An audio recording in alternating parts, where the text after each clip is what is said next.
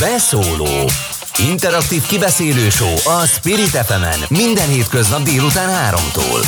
Várjuk hívásaikat a 0630 116 38 44-es nem emel díjas telefonszámon. A mikrofonnál Cutor Zoltán. Így van, szép délutánt kívánok, és már a stúdió vendégem is, akinek nem soká felfedem a kilétét. Itt ül velem szemben a mai témánk a közlekedés. Ugye beszólóban igyekszem olyan kérdésekkel foglalkozni mindig, ami a mindennapjaink része, és sok dilemmát, megoldandó, megvitatandó kérdést vet fel. Hát a közlekedés az ilyen. Gondoljunk a kerékpárosok és az autó közötti feszültségekre, vagy a mostanában nagyon menő, vagy népszerű, inkább így mondom, témára büntetőfékezések okozta felháborodásra, de a sok szexista sztereotípiáról is volna mit beszélni, eh, ahogyan a taxisok elképesztő történetei is kifogyhatatlanok. Nem tudom előre, hogy az elkövetkezendő két órában mennyire sikerül majd kimeríteni ezt a témát, eh, de benne van a pakliban, hogy, hogy egy másik alkalommal, akár jövő héten még folytatjuk ezt a kérdést, hiszen számtalan eh, témafelvetést, ügyet, topikot, botrányt, balesetet kaptam, csak, a, csak amiatt is, hogy kírtam Facebookra, hogy ma erről fogunk beszélgetni.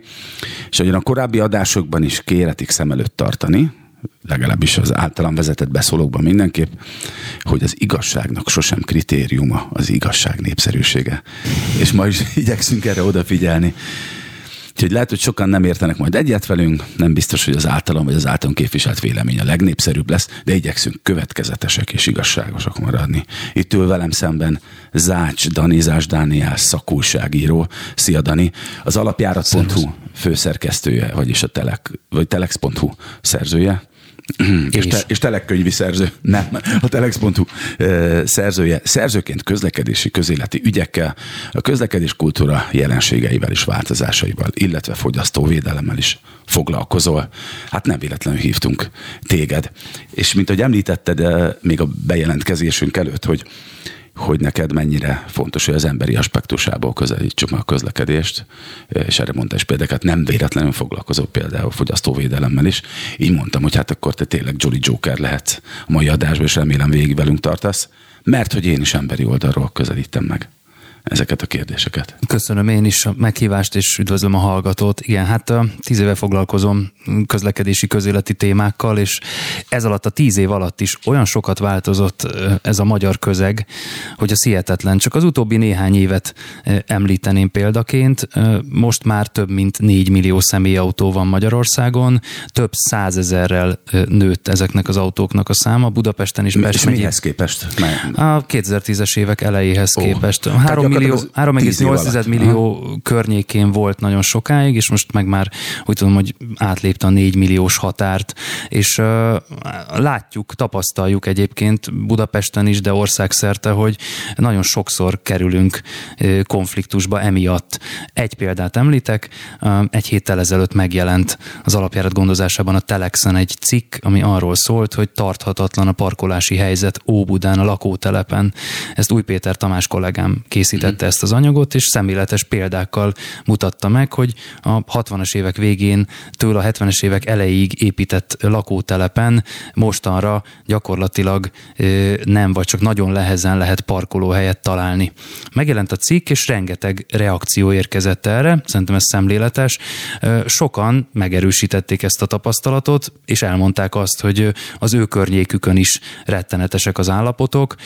A város nem arra van kitalálva, amire használjuk mondjuk tulajdonképpen, és a lakótelepek szint úgy nem. Amikor ezeket... mit lehet tenni? Az a kérdés, hogy, hogy akkor tényleg menjünk el egy ilyen, hogy is mondjam, drasztikusabb irányba, amit a karácsony főpolgármester is javasolt, hogy próbáljuk meg kizárni a belkerületi részekről az autókat. Tehát mondjuk Óbudára valószínűleg ez sem megoldás, hiszen az azért mondjuk belvárosnak nem mondanám Óbudát. E, igen, egy fontos közlekedési szakember, Vitézi Dávid e, szemlézte a mhm. cikket, és e, túlságosan autós szemszögűnek e, minősítette azt, de hát ez a szemszög, ez létezik létezik, innen üzenem, még akkor is, hogyha tudjuk, hogy sokféle szempontot kéne figyelembe vennünk egyébként egyénileg is, akkor, amikor szeretnénk könnyíteni a helyzetünkön. Én azt gondolom, hogy miközben meg kell oldani ezeknek a közösségeknek a problémáját, ezeknek a környékeknek az élhetőségét, nem gondolom azt, hogy a játszóterekre is autókat kéne parkoltatni, vagy a zöld területeket kéne beszántani és lebetonozni, viszont sajnos nem olyan egyszerű ennek a helyzetnek a megoldása, hogy azt mondjuk, hogy van a környéken hév, buszjáratok, közelben villamosjárat, és akkor legyenek szívesek eladni a, a második autójukat a családok, vagy, a, vagy az első autójukat a családok, és onnantól kezdve mindenki használja a közösségi közlekedést, amely egyébként lényegesen jobb, mint tíz évvel ezelőtt, mert hogy szemléletváltásra van szükség, és ez nagyon ritkán működik úgy, hogy adunk egy irányt, és akkor mindenki elkezdi ezt követni. Ezzel azt akartam csak érzékeltetni, hogy én úgy látom, hogy valamilyen feszültségponthoz, valamilyen, valamilyen túlfeszülési ponthoz közeledünk, itt Magyarországon a közlekedésben, és mondjuk maradjunk az autózásnál, nagyon sokszor abból adódik a türelmetlenségünk, hogy nem férünk el. Igen, a kulcs szó, és pont erre akartam rátérni, hogy értelemszerűen minél nagyobb tömegben vagyunk, annál, hogy is mondom, ingerlékenyebbek vagyunk, annál türelmetlenebbek vagyunk. Én azt gondolom, hogy emiatt egyre nagyobb szerepe lenne a türelmességnek, az udvariasságnak, az előzékenységnek, de mint hogyha ebből tényleg, tényleg kevesebb lenne, és ez nem is tudom, hogy, hogy ő magában csak ezért van-e, mert hogy több az autó. Valószínűleg más, mások az okok. Nyilván számtalan példát tudnánk sorolni, és majd sorolunk is nem sokára. Az első, ami eszembe jutott, a cipzár elv. Ugye egy ilyen nagyvárosban, ahogy, ahol, ahogy mondod is, hogy, hogy ilyen nagy a, a gépjárművek sűrűsége, tehát alig férünk el az utakon, tehát, hogyha valaki mondjuk a cip, talán nem kell elmondani, mi a cipzárelv, de ezért mondjuk egy gyorsan, hogy cipzárelv az, hogyha mondjuk két sáv, egy sávra szűkül, akkor az egyik sávból jön az egyik autó, a másik sávból a másik autó, és akkor odafigyelünk egymásra. Képzeld, én azt tapasztaltam, én Szegeden nőttem fel, de hát az utóbbi 30 évben évi 60-80 vidéki településen is, falvakban, városokban járok, és azt tapasztaltam, hogy a cipzárelv valamiért sokkal gördülékenyebben működik Budapesten, mint vidéken. Ennek mi lehet az oka? Hát, mielőtt elmondom, hogy mi az oka, sajnos azt kell mondjam, hogy én ezt fordítva tapasztalom. Tényleg? Igen. De te budapesti vagy. Én budapesti vagyok, de én is járok hmm. vidéken, tulajdonképpen keleti országrészben is, és a nyugati országrészben is. Én úgy látom, hogy ahol sűrűbb a forgalom, ott nehezebben érvényesül ez a cipzárelv, miközben többször volna rá szükség és, és hát ugye mit jelent? Ez azt jelenti, hogy engedjük egymást besorolni, amikor valaki előtt elfogy az út.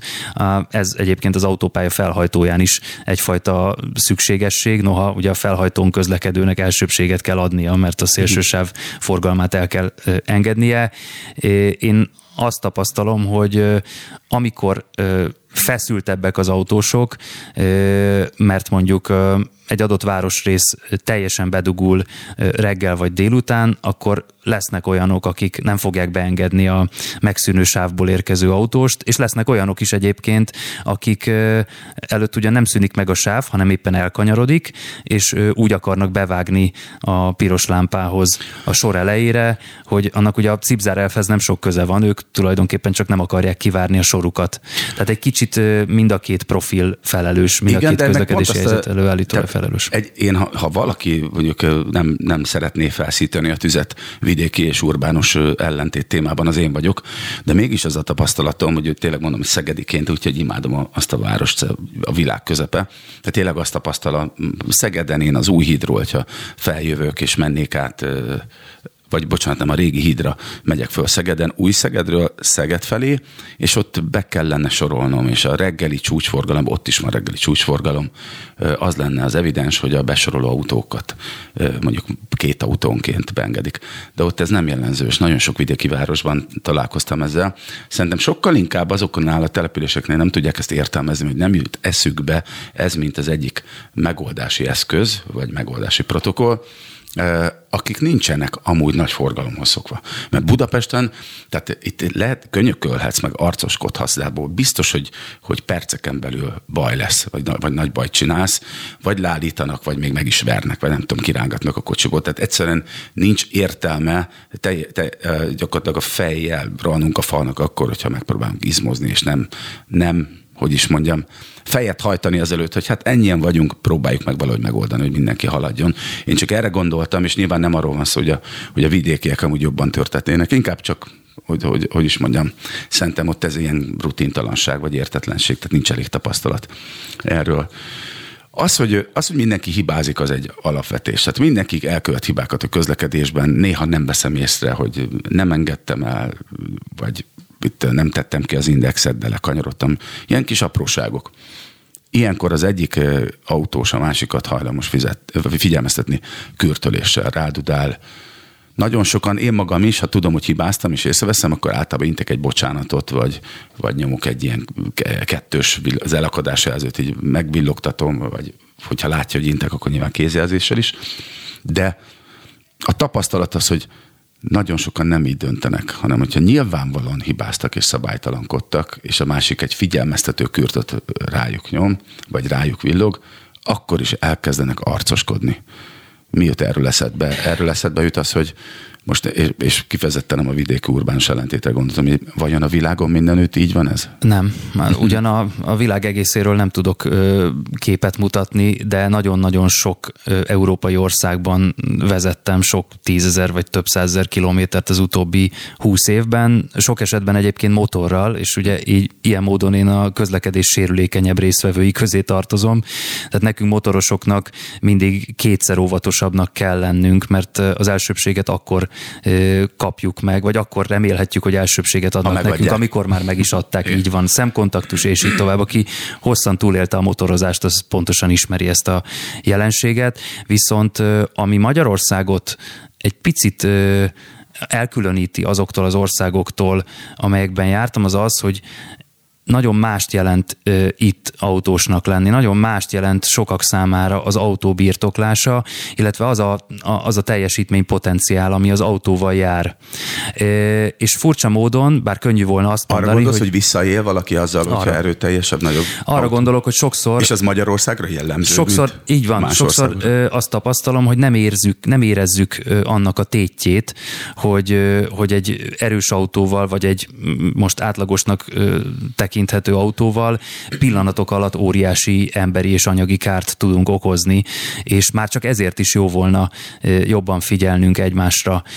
Néhány évvel ezelőtt elkezdtünk együtt dolgozni Pintér József közlekedési baleseti helyszínelővel, aki Veszprém megyében dolgozik, 18 évig volt baleseti helyszínelő, és azóta elkezdte az országot járni a közlekedés biztonsági baleset megelőzési előadásaival, és hát ő nagyon-nagyon sok ilyen helyzetnek, ilyen figyelmetlenségből vagy agresszióból adódó helyzetnek a következményeit látta, és ő is azt szokta kiemelni az előadásaiban, hogy a teljesítmény az egy olyan, olyan paraméter a gépjárművel közlekedők kezében, amivel nagyon-nagyon sokan nem tudnak jól bánni.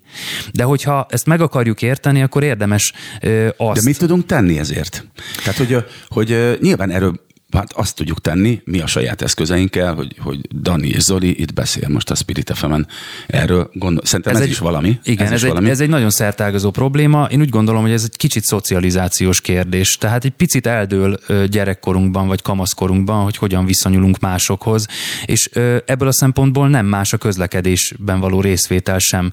Hogyha valaki dominancia, a dominanciából indított helyzetmegoldási sémát ismeri, az autó autósként hajlamosabb lesz ezen a módon akarni megoldani a helyzeteit, és ha valaki viszont a tolerancia elveit kapta otthonról, az nem fog belemenni ezekbe az éles helyzetekbe, mert tudni fogja például azt, hogy egy ilyen közlekedési incidensnek mik lehetnek a következményei, de azt is, hogy noha ha valaki sérelmez egy közlekedési helyzetet, mondjuk, hogy bevágtak el index nélkül, vagy rápöccintettek a fékre, vagy esetleg büntető fékeztek, akkor arra nem az a megfelelő válaszreakció, hogy, hogy előveszem a hogy elkezdi tolni, így van pontosan, esetleg, mint a Soroksári úton történt, kiszáll és összeverekszik a másik autó autóssal. Hát jó, de hanem, a mit hanem, kezdesz, ha megtámadnak? Tehát, hogy ott... A, az összes, hát a, a, amennyiben fizikai inzultus igen, tehát valahogy kerül az sor, az egy új helyzet. Én most igen, inkább igen, igen. az előkészítő fázist ha. fejteném ki, hogyha mondjuk bevágnak elém, és elkezd provokálni egy másik Aha. járművezető, egy másik autós vagy motoros, akkor én úgy veszem ki ennek a helyzetnek az élét, hogy a lehető leggyorsabban kikerülök abból a közlekedési helyzetből. Elveszem a gázt, hagyom, hogy elmenjen. Mit nyerhetek? Azt kell csak egyszer bevésni, hogy mi nyerhető egy ilyen közlekedési helyzetben, amit megpróbálok olyan módon rendezni, hogy felveszem az elém, elém dobott egy, kesztyűt. Nem nyerhetek semmit. Nagyon fontos, nagyon fontos dolgot pezzeget. Egyrészt ehhez azért nagyon-nagyon uralom kell. Tehát tényleg arra számítunk alaphelyzetben, még ha egy kicsit naívak is vagyunk ezzel az elvárással, hogy, hogy a közlekedésben felnőtt emberek vesznek részt, legalábbis a gépjármű közlekedésben. Így Mindenképp, van. és a felnőtt embernek meg tényleg muszáj tudni elengedni, és számtalan olyan közlekedési helyzet van, hogy engedek, engedünk, muszáj engedni, azért, hogy ne legyen baleset, hogy ne legyen baj. Emlékszem még gyerekkoromban egy nagyon kedves barátom, a Szegedi Tarján lakótelepen egy barátomnak az apukája mondta mindig ezt, hogy nem az a lényeg, hogy nyerjük a pört, hanem hogy ne legyen baleset. És Igen. igaza van. Szerintem hogy... útra való azoknak, akik, akik nem tudnak évtizedes tapasztalatokat, vagy évtizedes reflexeket azonnal kiölni magukból, csak azt mérlegeljék, hogy egyrészt mi nyerhető, ahogy az előbb ja. mondtam, másrészt nyugodtan számítsanak arra, hogy a, az indulatok természete, az ilyen típusú indulatok természete az olyan, hogy felfut, magasra tör, és viszonylag gyorsan lecseng. Ezt azért mondom ilyen magabiztosan, biztosan, mert tegnap beszélgettem Zerkovic Dávid közlekedési pszichológussal. És tényleg, ugye tényleg nem az van, és ne felejtsd, amit akartál mondani, ugye tényleg nem az van, hogy még napokig dúlunk, fulunk, hogy nem, engem nem, nem engedtek be. Nem. Tehát ez egy pillanatnyi Nem, állapot. így van. Igen. Nyugodtan számítsunk arra, hogy ha ott nem veszünk revansot abban a helyzetben, akkor végül utólag, de így, és ezt úgy értsük, hogy egy órán belül érezni fogjuk, hogy ez volt a jó döntés. Uh-huh. É, és ez De picit, jó, hogy ilyenekről beszélünk. Ez egy picit, picit kihat az elé egyéb konfliktuskezelési rutinjainkra is. Ez lesugározhat olyan helyzetekre is, amikor a, nem is tudom, a boltban kerülünk incidensbe valakivel. Hogyha, hogyha megtartjuk az önuralmunkat, vagy, vagy megpróbáljuk a magunk módján bejáratni azt, hogy, hogy nyelni egyet és elszámolni háromig, az mindig a jó döntés, és sosem az a jó döntés, hogy lökhárítóra vesszük az előttünk púposkodó másik autóst, mert, mert nincs, ami nyerhető. Ilyen egyszerű.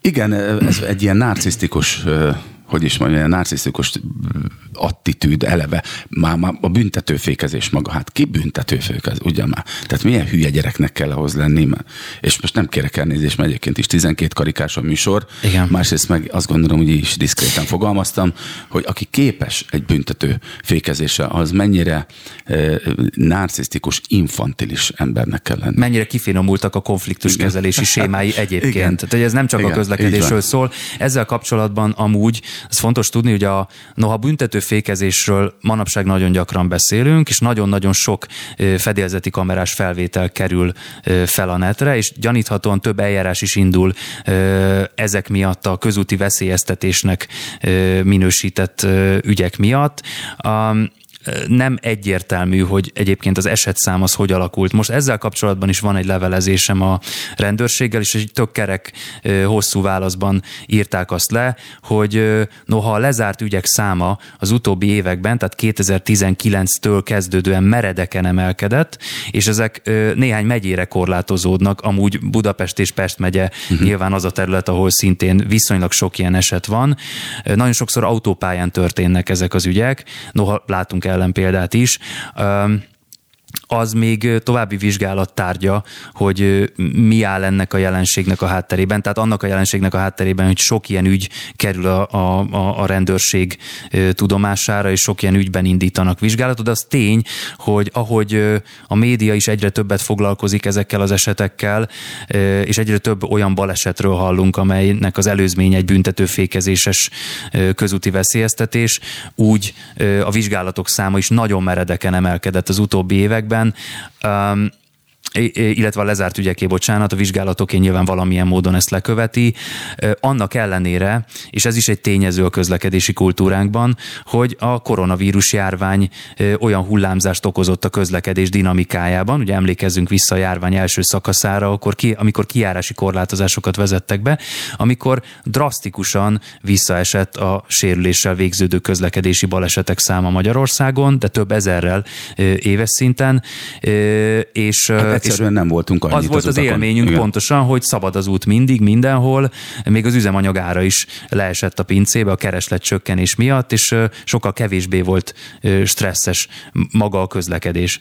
Hát a közlekedés talán igen, de az élet minden más területe ezért nagyon nyomasztó volt, meg nem láttuk a fényt az alagút Pontosan, végén. így lehet ne, húzni. Ha már behoztad ezt a kérdést, akkor nekem nem tudnám eszembe jutni, hogy az, hogy és ez biztosan világjelenség egyáltalán, nem csak magyar jelenség az, hogy esetleg agresszívabbak vagyunk az úton, vagy türelmetlenebbek vagyunk egymással a közlekedés, a gépjármű közlekedés közben is, annak azért most nagyon közvetlen kapcsolódása lehet ahhoz a közhangulathoz, amit ez az utóbbi két év okozott. Ez biztos, hogy így van. Ez biztos, hogy így van. Tehát sokunknak, sokaknak lett sokkal ö, feszültebb az élete, és nem csak akkor, hogyha ö, karanténban töltöttek heteket, vagy, vagy egyéb okokból otthon töltöttek akár hónapokat, és ö, kevesebb volt a szabad mozgási lehetőségünk.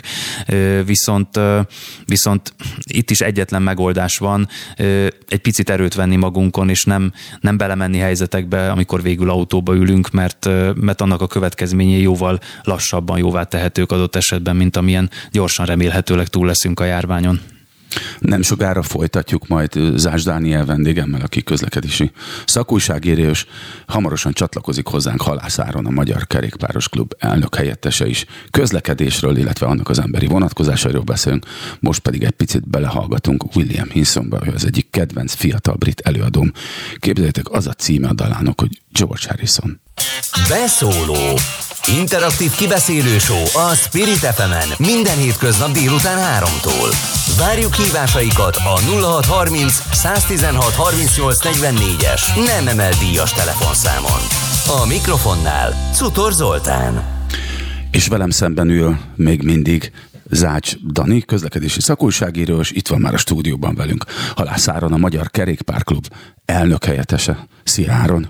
Sziasztok, jó napot kívánok mindenkinek! A közlekedés a mai témánk, és annak is inkább az emberi vonatkozásai. Én abban a szerencsés helyzetben lakunk, mi közel lakunk egymáshoz, mint most kiderült Áronnal, ugye 13. kerület belvárosi részén. Én nagyon sokat járok bicajjal, amikor az időjárás megengedi, de autóval is nagyon sokat járok. Ugye nagy családos vagyok, értelmszerűen sok helyre kell vinni. A gyereket sok ügyintézésünk van.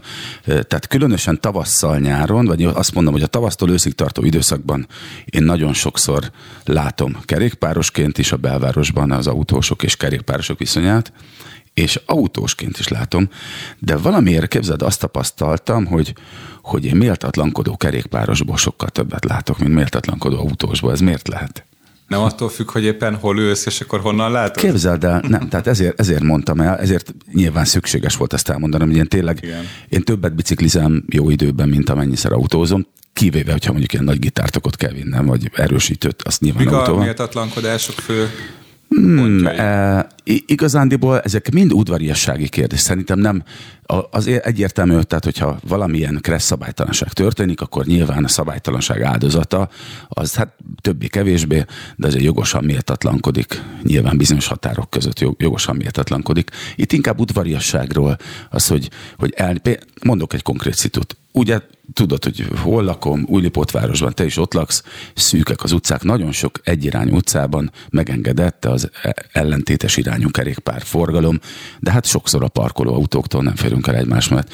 Ilyenkor mi a teendő? Szerintem az a teendő ilyenkor, hogy legalábbis mi a kerékpáros klubnál mindig úgy szoktuk bemutatni, amikor megnyitok egy-egy ilyen utcát, hogy figyeljünk oda sokkal jobban, mint bárki más, mert, mert ők nem fognak.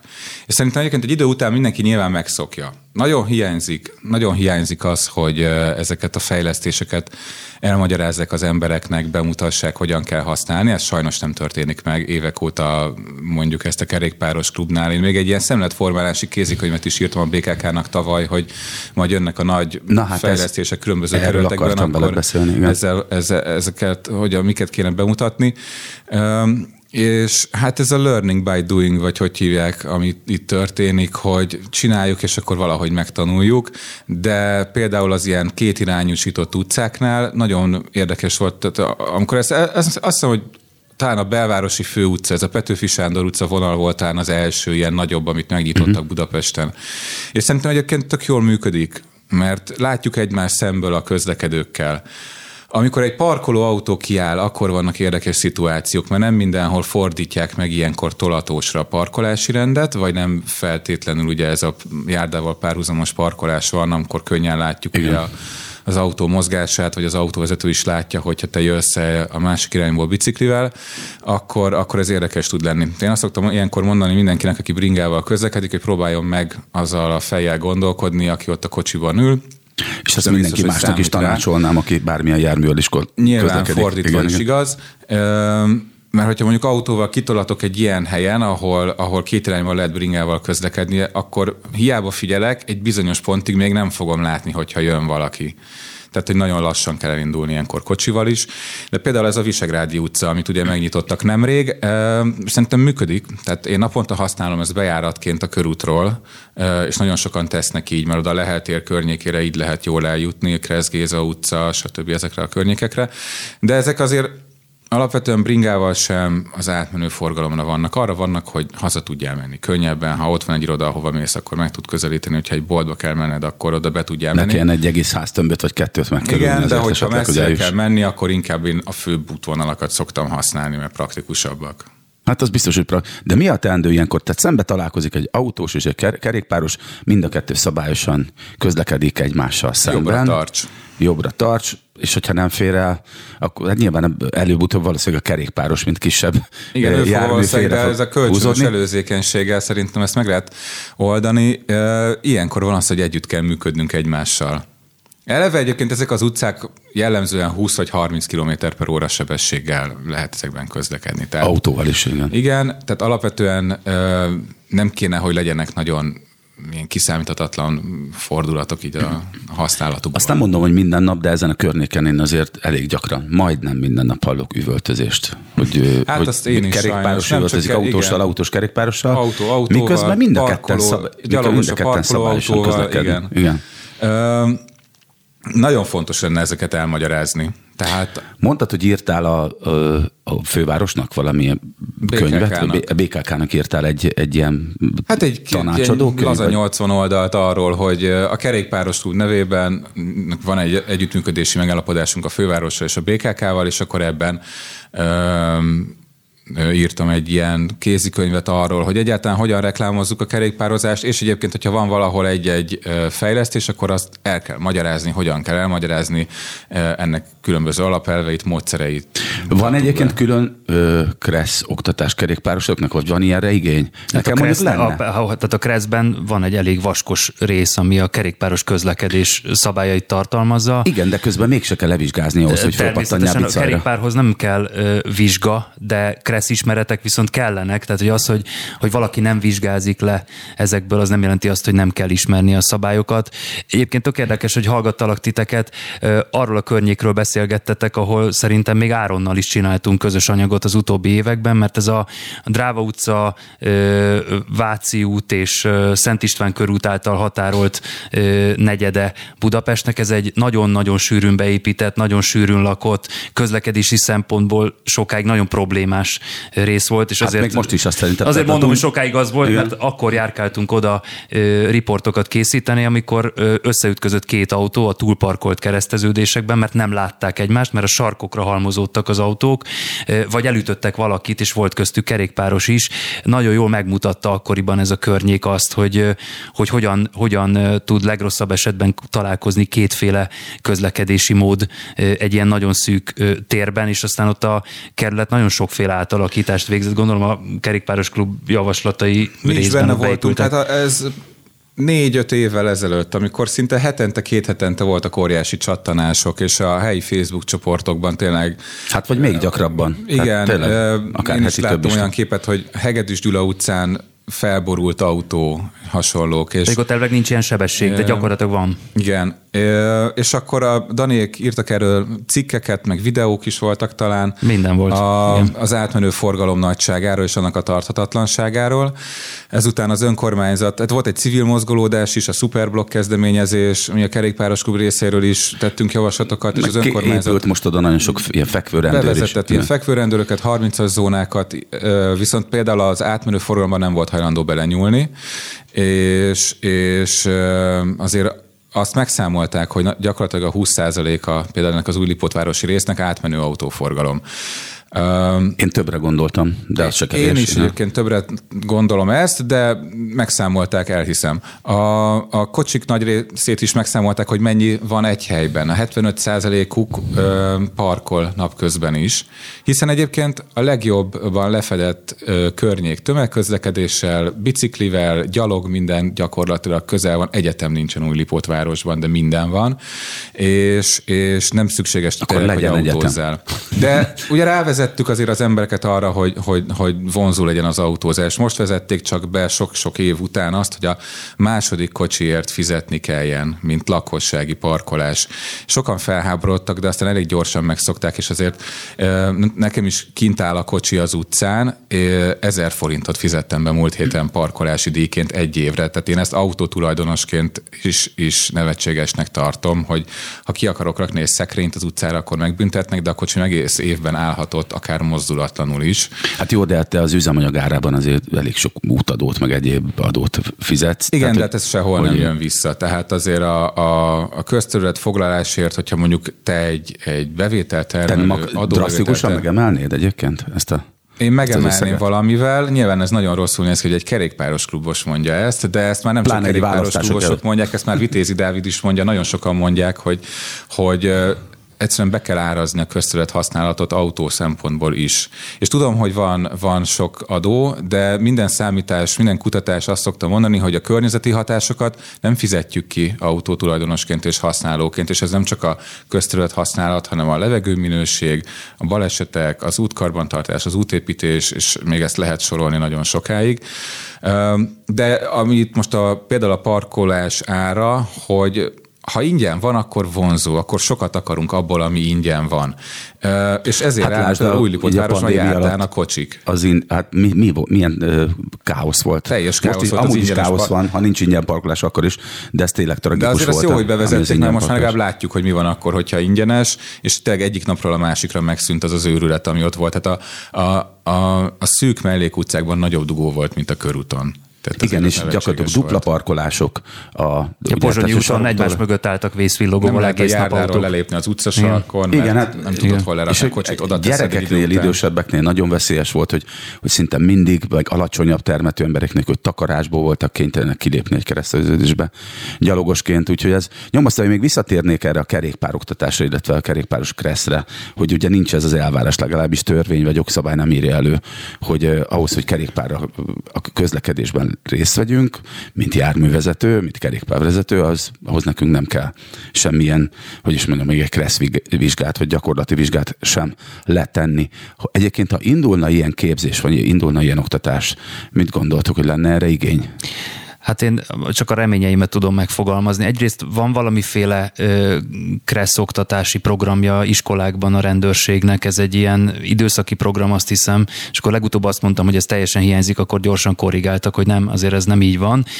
Viszont ahol jól működő közlekedési struktúrákat, vagy közlekedés kultúrát láttam Európában, ott a kerékpáros közlekedést a testnevelés órán oktatták. Ez Belgium volt egyébként, egyébként örök példám, ott, ott a gyerekek, az ilyen kisiskoláskorú gyerekek megkülönböztető, vagy láthatósági mellényben sorakoztak a tanáraik között, mögött, és mentek a egyébként nagyon jó kerékpáros infrastruktúrát kipróbálni tanítási időben. Szerintem ez is egy kicsit ilyen szemléletváltásbeli kérdés. Most Magyarországon még nem, nagyon nem itt tartunk, bár Áron el fogja mondani, hogy milyen sokkal többen kerékpároznak rendszeresen Budapesten, és hogy ebben mekkora tolóerőt jelentett a koronavírus járvány, és az, hogy mindenki elkezdte keresni az alternatívákat, mert nem akartak egy zárt térbe csukva autózni, vagy nem, bocsánat, tömegközlekedni, közösségi közlekedési járművel közlekedni, és ezért sokan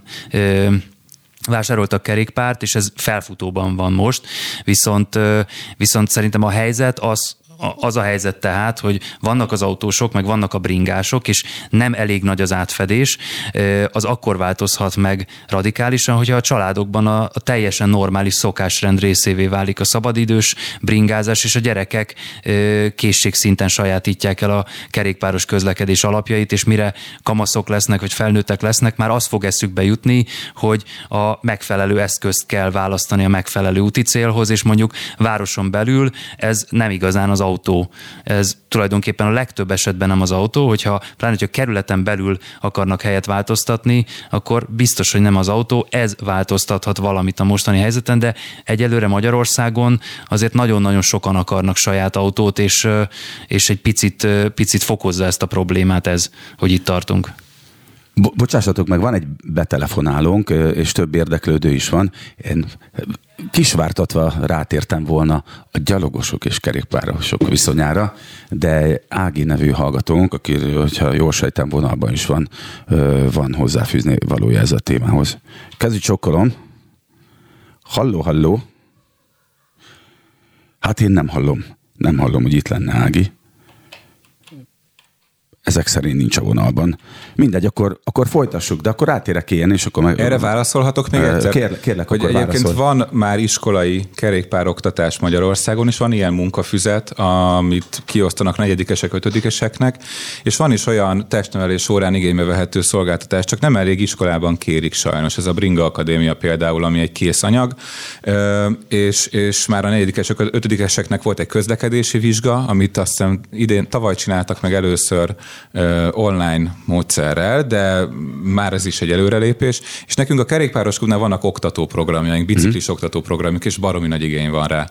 Nem csak az oktatóprogramokra, amikre az ilyen 10-15 ember tudunk egy körre elvinni egy két-három órás tekerésre, tavaly nagyon sok ilyet szerveztünk, hanem például oktató videókat csináltunk tavaly, és tehát ilyen több tízezres, százezres nézettségekkel YouTube-on és Facebookon. Szóval nagyon nagy igény van rá, de ez, ez jó hír, ez jó hír. És nekem is most jön, éppen a hatodik gyerekem születik majd meg márciusban, és nagyon sokat bicajozunk családostól, de én azért félek kiengedni őket. Sokkal nyugodtabb lennék, hogyha mondjuk azt mondanánk, hogy beírathatom a tíz éves vagy a tizennégy éves gyerekemet egy tanfolyamra, és utána egy olyan papírja van, hogy felkészültem egy köz. Nyilván én is amit tudok, meg ami eszembe jut, azt megmutatom neki, tehát minden nem tanítatok meg.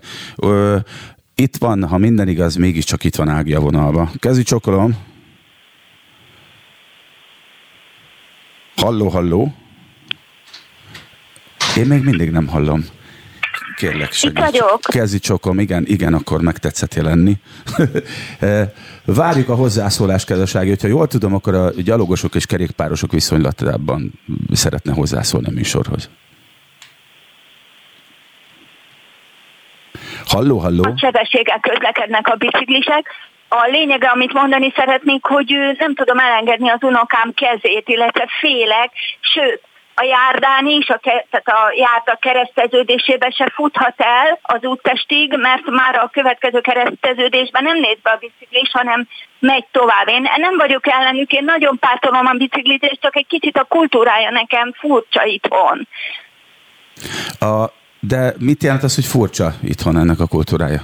Mire tetszik hát kicsit durva, durva, és amikor szóltam, akkor meg nagyon durván szóltak vissza. A másik pedig az, hogy valamelyik műsorban hallottam, hogy a sétáló utcában nem mehetnek be például a, a biciklis futárok és akkor, akkor az aluljáróban hogy, hogy bent cirkulálnak? Egyébként ezt én is szerettem volna Árontól kérdezni, hogy nekem is van, meg volt konfliktusom egészen agresszívan és veszélyesen gyorsan járdán közlekedők kerékpáros futárokkal. Napi szinten van ilyen, főleg gyerekekkel, pláne, hogyha a sarokról fordulunk le, ő jön szembe. És tényleg azt meg kell, hogy erősítsem ezt Ág, Áginak ezt a tapasztalatát, hogy tényleg udvariatlanok. Ti kezdtek ezzel valamit? Ez részben kerékpáros probléma, és részben egy általános probléma szerintem, hogy hogyan viselkedünk egymással az utcán, tehát hogy mennyire figyelünk tehát, hogy oda, vagyunk, az nem egy köz... hogy vigyázzunk-e a gyengébbre, tehát a, a most a futárok az egy másik kérdés, mert ők időre mennek, és, és ezért rohannak. Ez nyilván nem jelenti, vagy nem felmentés, hogy veszélyeztessünk embereket. A, az általában kerékpárral közlekedőknél a járdázásnak a fő oka az az szokott lenni, hogy félnek a forgalomban és, és ugye ott sem vigyáznak az autóvezetők sokszor a gyengébb közlekedőre. Egyébként szerintem a többség vigyáz, csak mindig a negatív élményre emlékszünk jobban, és amiatt félünk esetleg lemenni a, a forgalomba, és ezért felmennek sokan a járdára.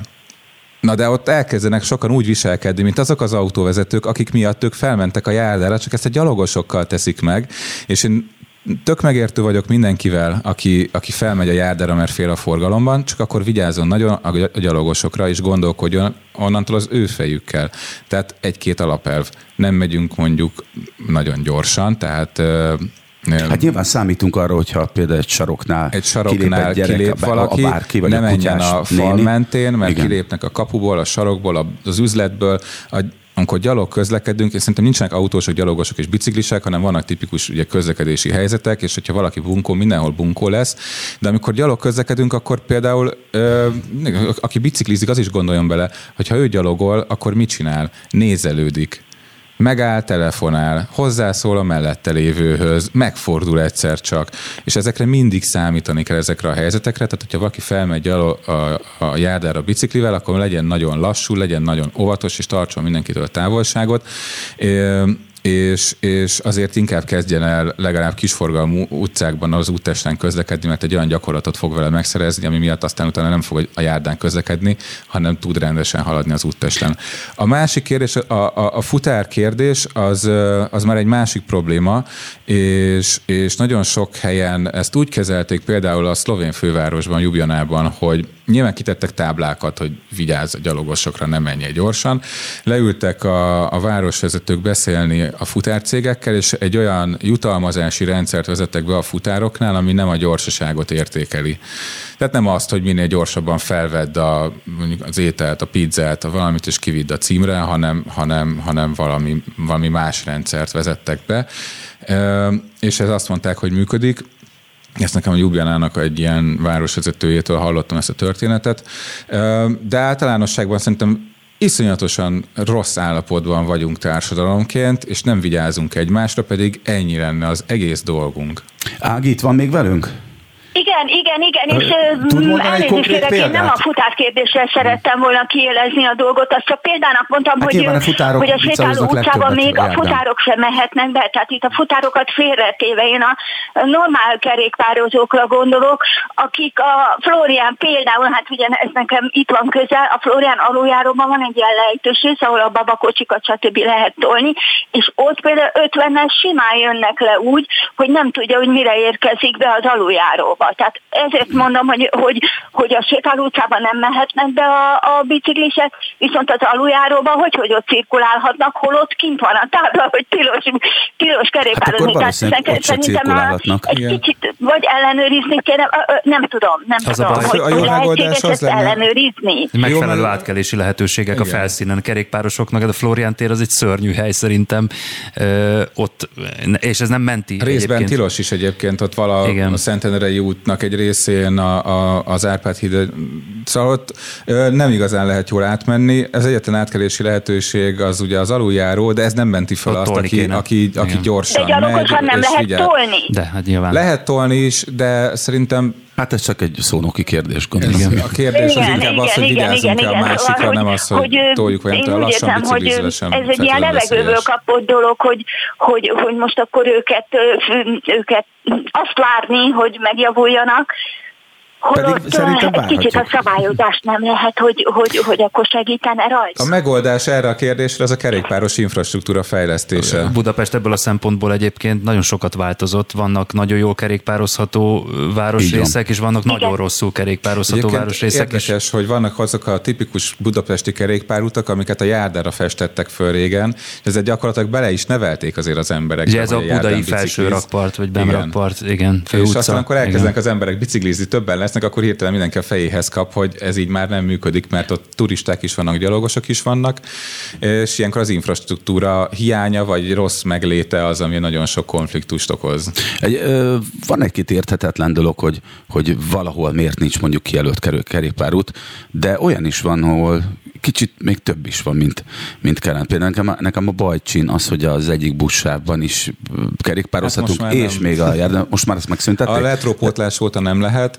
A, a De busz, ott, vissza a meg a bajcsin ott van a járdán a leválasztott kerékpár. Hát a bajcsin van az egyik oldalon, igen, az, a, az volt a története, hogy 2005-ben építették meg a járdán azt a kerékpárutat, és uh, akkor még alig biciklizett valaki. Egy idő után viszont elkezdtek biciklizni, és minden, minden ilyen belvárosi környezetben járdára vezetett kerékpárútnak az a tipikus hibája, hogy a kereszteződésekben az autóvezető nem látja, és rengeteg baleset történik az ilyen uh, holtér vagy jobb horog helyzetekből, vagy az elsőbség meg nem adásából. Meg tudom erősíteni, én többször láttam, ilyet legutóbb épp a bazilikánál láttam, hogy elcsaptak előttem a, másik vissza, meg, igen, a másik pedig az, hogy ö, ö, azt a járdából vették le, és ilyenkor, ugye ott is egyre több a turista, egyre több a gyalogos, ők fölmennek a bicikli útra. És akkor ebből már megint megvan a konfliktus. Te miért itt mész, te miért a itt városnéző busz megállója ott van a bazilikánál. Igen. igen. És Igen, a, rendszeresen ott tömörülnek a kerékpár. A buszsáv ez ezt oldotta föl valamennyire. Tehát az akkor föl tudta oldani azt, hogy, hogy olyan buszsában lehet csak jelölni kerékpáros közlekedést, ahol nem jár túl sűrűn a busz, vagy elég széles. A Bajcsi ennek megfelelt egészen a metrópótlásig. Egyrészt feloldotta azoknak, a, akik haladni akartak, eh, hogy ne kelljen a gyalogosokkal terhet eh, bicikliútra felmenniük ez egy, ugye ez is egy tervezési hiba volt, vagy aki a nyugati tér irányába ment az Andrási útról, a Kiskörútról, az irányhelyesen vezetett kerékpársávon, ami abban az irány, azon az oldalon volt, ahol a kocsik is mennek, annak ne kelljen többszörös oldalváltással átmenni a kerékpárútra, aztán vissza, aztán megint, és el tudjon menni egyenesen. Ugye ebben segített egy direkt közvetlen kapcsolatot adott meg Belvárosban a kerékpáros klubnál mindig azt szoktuk javasolni, hogy, hogy olyan megoldásokat alkalmazzanak, ahol, ahol logikusan halad a kerékpáros forgalom együtt a, a, a forgalom többi szereplővel. Tehát amelyik irányba megy az autóforgalom, abba az irányba menjen az a, azon az oldalon a kerékpáros forgalom is. Mert amint egy oldalra tereljük őket, sokszorozzuk a, a konfliktus helyzeteket. Pontosan uh-huh. amiatt, hogy többszörös oldalváltás, a kanyarodásnál a ív nem jól belátható, és a... Igen, de ezek közlekedési szervezési kérdések, és erről is nyilván nagyon sokat lehetne beszélni. Most egyrészt elköszönünk Ágitól, köszönjük szépen, hogy itt volt velünk. Másrészt pedig a részben Ági felvetése nyomán és hogy az előbb, mielőtt megjöttél, meg az előző fél órában Danival is érintettük ezt a kérdést, hogy, hogy az, hogy hibázni ér, de muszáj tudni bocsánatot is kérni, ez szerintem igaz a kerékpárosokra is, és ez tök jó, hogyha megerősítjük bennük. Innen fogjuk folytatni, a következő fél órában majd bejelentkezik hozzánk Oberling József rendőr, ezredes is vele is beszélgetünk még, és én pedig küldök nektek egy Jay-Z-t és a Hard Life-ot. Beszóló Interaktív kibeszélő a Spirit fm minden hétköznap délután 3-tól. Várjuk hívásaikat a 0630 116 38 44-es nem emel díjas telefonszámon. A mikrofonnál Cutor Zoltán. És itt ül velem még mindig szemben Halászáron a Magyar Kerékpáros Klub elnök helyettese, és Zás Dániel közlekedési szakújságíró, és a minden igaz, itt van a telefonvonalban velünk Oberling József rendőr ezredes. Jó napot, ezredes úr! Én is köszöntöm a stúdióban ülőket, és a kedves hallgatókat is itt vagyok. Örülök, hogy tudunk beszélni. Ugye a közlekedés a témája a mai beszólónak itt a Spirit fm és elsősorban abból a szempontból közelítjük meg a közlekedés témáját, hogy mik azok, ami az emberi gyarlósággal, vagy az emberi hogy is mondjam, a különböző attitűdökkel kapcsolatos megoldandó feladatok, vagy problémák, esetleg veszélyhelyzetek. Tudna mondani olyan igazán jellemző közlekedési helyzetet, amit mondjuk a, az előzékenység, vagy az udvariasság hiánya okoz? Vannak ilyen jellemző helyzetek? Hát nagy kár, hogy pont ezt a két jelzőt használta el, mert pont ezt a kettőt szerettem volna mondani, hogy tulajdonképpen a közlekedési jogsértések többségének a hátterében ezek a személyiségjegyek és ezeknek a hiánya áll. Nem azért történnek közlekedési balesetek jellemzően, és nem azért vannak a közlekedésben e, szituációk, amiket e, mondjuk rosszul oldanak meg emberek, mert nem ismerik a közlekedési szabályokat, hanem egyszerűen azért, mert vagy fittyet hánynak rá, vagy pedig úgy gondolják róla, hogy nem jár veszéllyel, hogyha ezeket megszegik. És ezek vezetnek konfliktusokhoz, emiatt történnek balesetek, emiatt vannak torlódások, emiatt vannak akár az utcán közlekedésből fakadó verekedések is, ilyet is láthatunk a közelmúltban. Így van, és rendre fölbukkannak ezek az események. Ugye az közismert, hogy a, hogy a különböző nemzetek közlekedési kultúrája más és más, és egyéb más emberi vonatkozásban is ugye különbözünk, és ez így leképeződik. De vajon van-e olyan, olyan helyzet, ami mondjuk életkorhoz kötődik, hogy a különböző korú emberek máshogy visel, viselkednek. Úgy sejtem, hogy igen, hiszen a biztosítók is máshogy árazzák be azt, hogy fiatal közlekedésben résztvevő járművezetőről vagy idősebbről van szó, vagy esetleg még a nemeknek is lehet ez. Közben tudom, hogy ezzel, ezzel a nemi kérdéssel, tehát a, a közlekedési szexizmussal mindig kinyitjuk a Pandora szelencéjét, de hogy van-e olyan, ami kifejezetten mondjuk nőkhöz, vagy inkább férfiakhoz köthető. És most nem arra gondolok, hogy a, hogy a szőkenő ö, nem tud vezetni, sokkal inkább ilyenek jutnak eszembe, hogy, hogy mivel az etológiában ismert, hogy mondjuk a direkt agresszió jellemző a férfiakra, ezért lehet, hogy az erőszakos cselekmények, vagy az erőszakos hozzáállásból fakadó közúti balesetek talán gyakrabban kötődnek férfiakhoz, vagy lehet, hogy valamilyen figyelmetlenségből fakadóak az idősekhez. Uh-huh. Hát bizonyos fokú tipizálás tehető, de nincs olyan, hogy kerékpáros, mert nem lehet azt mondani, hogy egy kerékpáros pont így néz ki, vagy egy autós pont így néz ki, és pont így viselkedik. Tehát vannak embertípusok, akik mindegy, hogy kerékpáron ülnek, vagy éppen autóban, szerint változik a viselkedésük, hogy milyen egyébként az emberi tulajdonságaik többsége. De összességében azt lehet mondani, hogy a fiatalabb kezdőjárművezetők nyilván a tapasztalatlanságuknak köszönhetően is, vagy abból fakadóan is, részben pedig a rájuk jellemző nagyobb kockázatvállalási hajlandóság okán kerülnek veszélyes szituációkba, míg mondjuk az idősek pont ennek az ellenkezője miatt, tehát ők már rendelkeznek kellő tapasztalattal, de talán már nem rendelkeznek annyira friss idegrendszeri tulajdonságokkal, mondjuk reflexekkel leegyszerűsítve a dolgot, vagy éppen a látásuk már nem tökéletes, vagy a hallásuk nem tökéletes, hogy ebben a felgyorsult világban minden szituációra jó időben és helyesen reagáljanak a férfinő kérdésre, pedig én pusztán csak egy dolgot mondanék, és ez tényeken alapul, és ilyen tekintetben talán nem érhet engem vált, hogy valamely nem felé ilyen tekintetben pozitív vagy negatív megközelítéssel fordulok. Az ittasan okozott balesetek azt mutatják, hogy a hölgyek sokkal-sokkal kisebb arányban okoznak itt a állapotban balesetet, mint férfi társaik. Tehát és ez azt jelenti, hogy jobban vezetnek részegen, vagy inkább kevésbé Nincs vége a mondatnak. Tehát nincs vége a mondatnak. Ugye, de ha már ittak, és ennek ellenére vezettek, akkor azt tapasztaljuk, hogy ők nem állnak meg annál a 0,8 ma egy vagy két sor kategóriánál, hanem akkor ők viszont adnak neki rendesen, és még egyszer mondom, tehát ez nem minden nőre és minden esetre vonatkozik, de statisztikai szempontból az mutatható ki, hogy sokkal inkább megtartják a közlekedési szabályokat, de ha már megszekték, akkor az durván. A, itt, ja, tehát az ön, ön hölgyekre mondta az ezredes, ezredes úr. Ha viszont ittasan vezetnek, igen. akkor, akkor nagyon Így sokat isznak.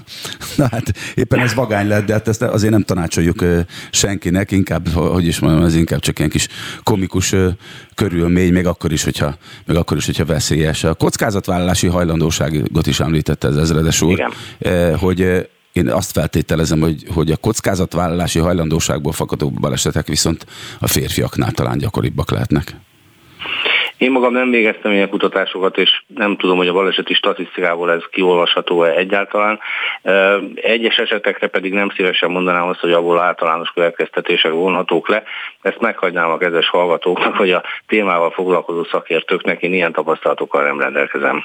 Nagyon köszönöm, nagyon sok gépjármű vezető ismerős balá, barát sorstárs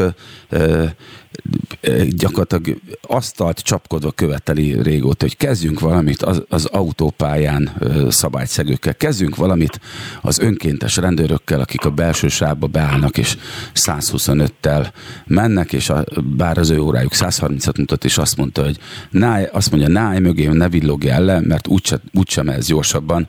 Én ezeket hívom. Tehát szerintem a rendőrködés, mint egy ilyen attitűd, felhatalmazás nélkül, az ugyanilyen veszélyes lehet, mint hogyha valaki hát, szabályokat. Most gyorsan közbevágok, hát ugye az autópályán Dani, van egy Dani.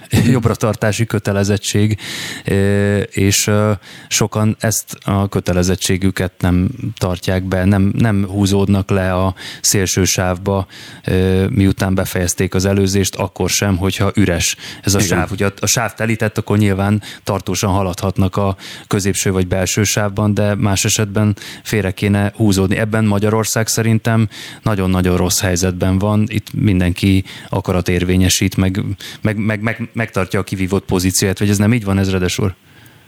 De egyetértek ezzel, nincs mit vitatkozni, ez tény. Mind a két állítás egyébként, és szerintem ebben azért van egy bizonyos fokú szabályismeret hiány, mégpedig az, hogy egyesek úgy hiszik, tévesen, hogy ha ők a megengedett sebességgel közlekednek a belső sávban, mondjuk ők tartják a 130-as tempót, hogy egy autópályánál maradjunk, akkor ő nekik ott szabad menniük, hiszen akik mögöttük jönnek, vagy mögötte jön, úgysem mehet többel, hiszen ő már a engedett sebességgel megy, és emiatt ő nem is húzódik le ami ugye egy téves megközelítés, hiszen neki a sebességtől függetlenül főszabály szerint a szélső sávot kell használja, és csak bizonyos esetekben mehet a belső sávba. És ugye ugyanolyan balesetveszélyes, talán még jobban irritáló jelenség, amikor látszólag vagy ténylegesen indokolatlanul valaki húzamosabb ideig a középső vagy a legbelső sávban közlekedik. Hogyha valaki az M7-esen jár viszonylag rendszeresen, Igen, ezt akartam mondani. és jön Budapest irányába, hát azért egy érdekes jelenség, hogy a középső sáv az teli, a szélső sávon pedig egyszerűen, ameddig a szemmel lát jármű sincsen. Mondhatnánk, hogy azért van ez így, mert a szélső sáv minősége e, olyan, hogy ott kiesik az ember alól az autó, de ez nem igaz. Tehát egy kiváló jó minőségű aszfalt van, és valamilyen megmagyarázhatatlan ok miatt a járművezetők jelentős része ragaszkodik a belső sávhoz, nem tudni miért. A, egyébként a sávváltási hajlandóság a gyorsforgalmi utakon, autópályákon szerintem lényegesen rosszabb, mint mondjuk lakott területen. Sokan keveset közlekednek nagy sebességgel, nincsenek hozzászokva a nagy sebességű irányváltáshoz, és lehet, hogy ez az egyik oka annak, hogy ott felejtik magukat a mondjuk a középső sávban, de hát ezt bárki tapasztalhatja, aki, aki Magyarországon Magyarországon közlekedik, illetve még eszembe jutott az is, hogy ugye a szélsősávon sokszor ö, nehéz tehergépjárművek közlekednek, remélhetőleg 90 kilométeres sebesség alatt, ö, és sokan azért nem húzódnak vissza az előzés után, mert nem akarnak beragadni mögéjük, mert félnek attól, hogy nem fogják őket beengedni, amikor előzni akarnak. Hát ez és sajnos, egyik. sajnos ez nem könnyen cáfolható, ez, ez azért megtörténik. Hát ez az egyik, de hogyha meg elkezdesz előzni, akkor biztos, hogy valami vadállat a Így van. fenekedben van, 150-nel elkezd villogni, dudálni vagy tolni, hát utána még nem is büntetőfékezni is. Szóval azért a nagyobb problémát szerintem ez, ez jelenti. Azt gondolod, hogy a tolakodás jelenti? Mert én én de nem baleset veszélyes? Most arra hát nem beszél, hogy mennyi a sebesség. Nem, nyilván egyik, valószínűleg itt nem érdemes döntést hozni, hogy melyik szabálytalanság a nagyobb szabálytalanság. Én szerintem ugyanolyan baleset veszélyes a legbelső sávba tartózkodni nem túl nagy sebességgel. Szerintem hasonlóképpen baleset veszélyes lehet, mert hogy feltorlódik mögötte a forgalom, nem hagyja. Tehát gyakorlatilag megakadályozza szerintem a közlekedés rendes flóját. Jó, ez rendben van, nyilván van a jobbra tarts, de Igen. ettől függetlenül a a sebességhatár átlépése azért általában az az egyik fő indoka a baleseteknek, a nem megfelelő Igen, csak én azt gondolom, hogy felhatalmazás nélkül mi nem lassíthatunk más járművet. Egy rendőr okay, autóval nem szabad másokat ebben, is. Ez, ebben nincs vita. Én csak azt, azt mondom, hogy szerintem azért abból ne induljunk ki, hogy közlekedhetünk ugye szabálytalanul a sebességhatárok fölött, miközben másoktól például elvárjuk nem, azt szerintem a szabályok és betartását. Nem, azért nem is hoztam ezt föl, mint téma, mert az evidens, hogy, hogy közlekedési szabályokat normálisan nem, nem hágunk át Ezekről viszont szerintem sokkal kevesebb szó esik, hogy, hogy, hogy megtehetjük-e egyébként amúgy szabályosan közlekedőként, hogy más szabálytalan közlekedőket mi feltartunk, vagy akadályozunk a forgalmat. Forgalmat szerintem ugyanolyan veszélyhelyzetet... Szabálysértésre szabálysértés nyilván nem. Így van, tehát ugyanilyen veszélyhelyzetet teremtünk. Én azt szerettem mondani még ezredes úrtól megkérdezni, hogy, hogy van arra példa, vagy benne van ez a, a közlekedésrendészet gyakorlatában, hogy mondjuk az autópályán akár a háromsávos autópályán a középső sávban közlekedőket, vagy a belső sávban nem túl nagy sebességgel foly, húzamosabb időn keresztül tartózkodókat figyelmezteti mondjuk egy járőrkocsi, vagy bárki. Tehát ez benne van a gyakorlatban? Vagy az előzgető kamionosokat, és így tovább, és így tovább. Abszolút benne van. Ez talán nem annyira látványos, és ezért annyira nem is foglalkoznak vele a médiumok, hogy erről különösebben hírt adjanak, de ez ugyanúgy a napi rutin része, mert ahogy beszélgetésben is szó esett róla, és ahogy önök is elmondták, ezt mindenki veszélyesnek tartja, hogyha valaki indokolatlanul megy a középső vagy a legbelső forgalmisában, és egyébként meg ténylegesen baleset veszélyes is, úgyhogy ezt a rendőrség ugyanolyan szigorúsággal ellenőrzi és szankcionálja, mint például a tehergépjárművek előzési tilalmának a megszegését. Abszolút benne van a napi gyakorlatban. Valahogy mégis azt látom, én azért viszonylag sokat közlekedek autópályán is, hogy mintha a kamionosok, sokszor magyar kamionosok nem tudnának erről, hogy, hogy vagy arról létezik ez a szabály, vagy arról, hogy vagy azt gondolják, hogy úgy ellenőrzi ezt senki, senki és mennek. Úgyhogy nem tudom, én így civilként így arra buzdítanám a közlekedésrendészetet, hogy nem, nem baj, ha még jobban odafigyelünk erre, vagy többet figyelmeztetik őket. Köszönjük szépen a figyelmeztetést, lettük az adást. Köszönöm ezredosul. Még valami, a gyalogosokról nem nagyon beszéltünk.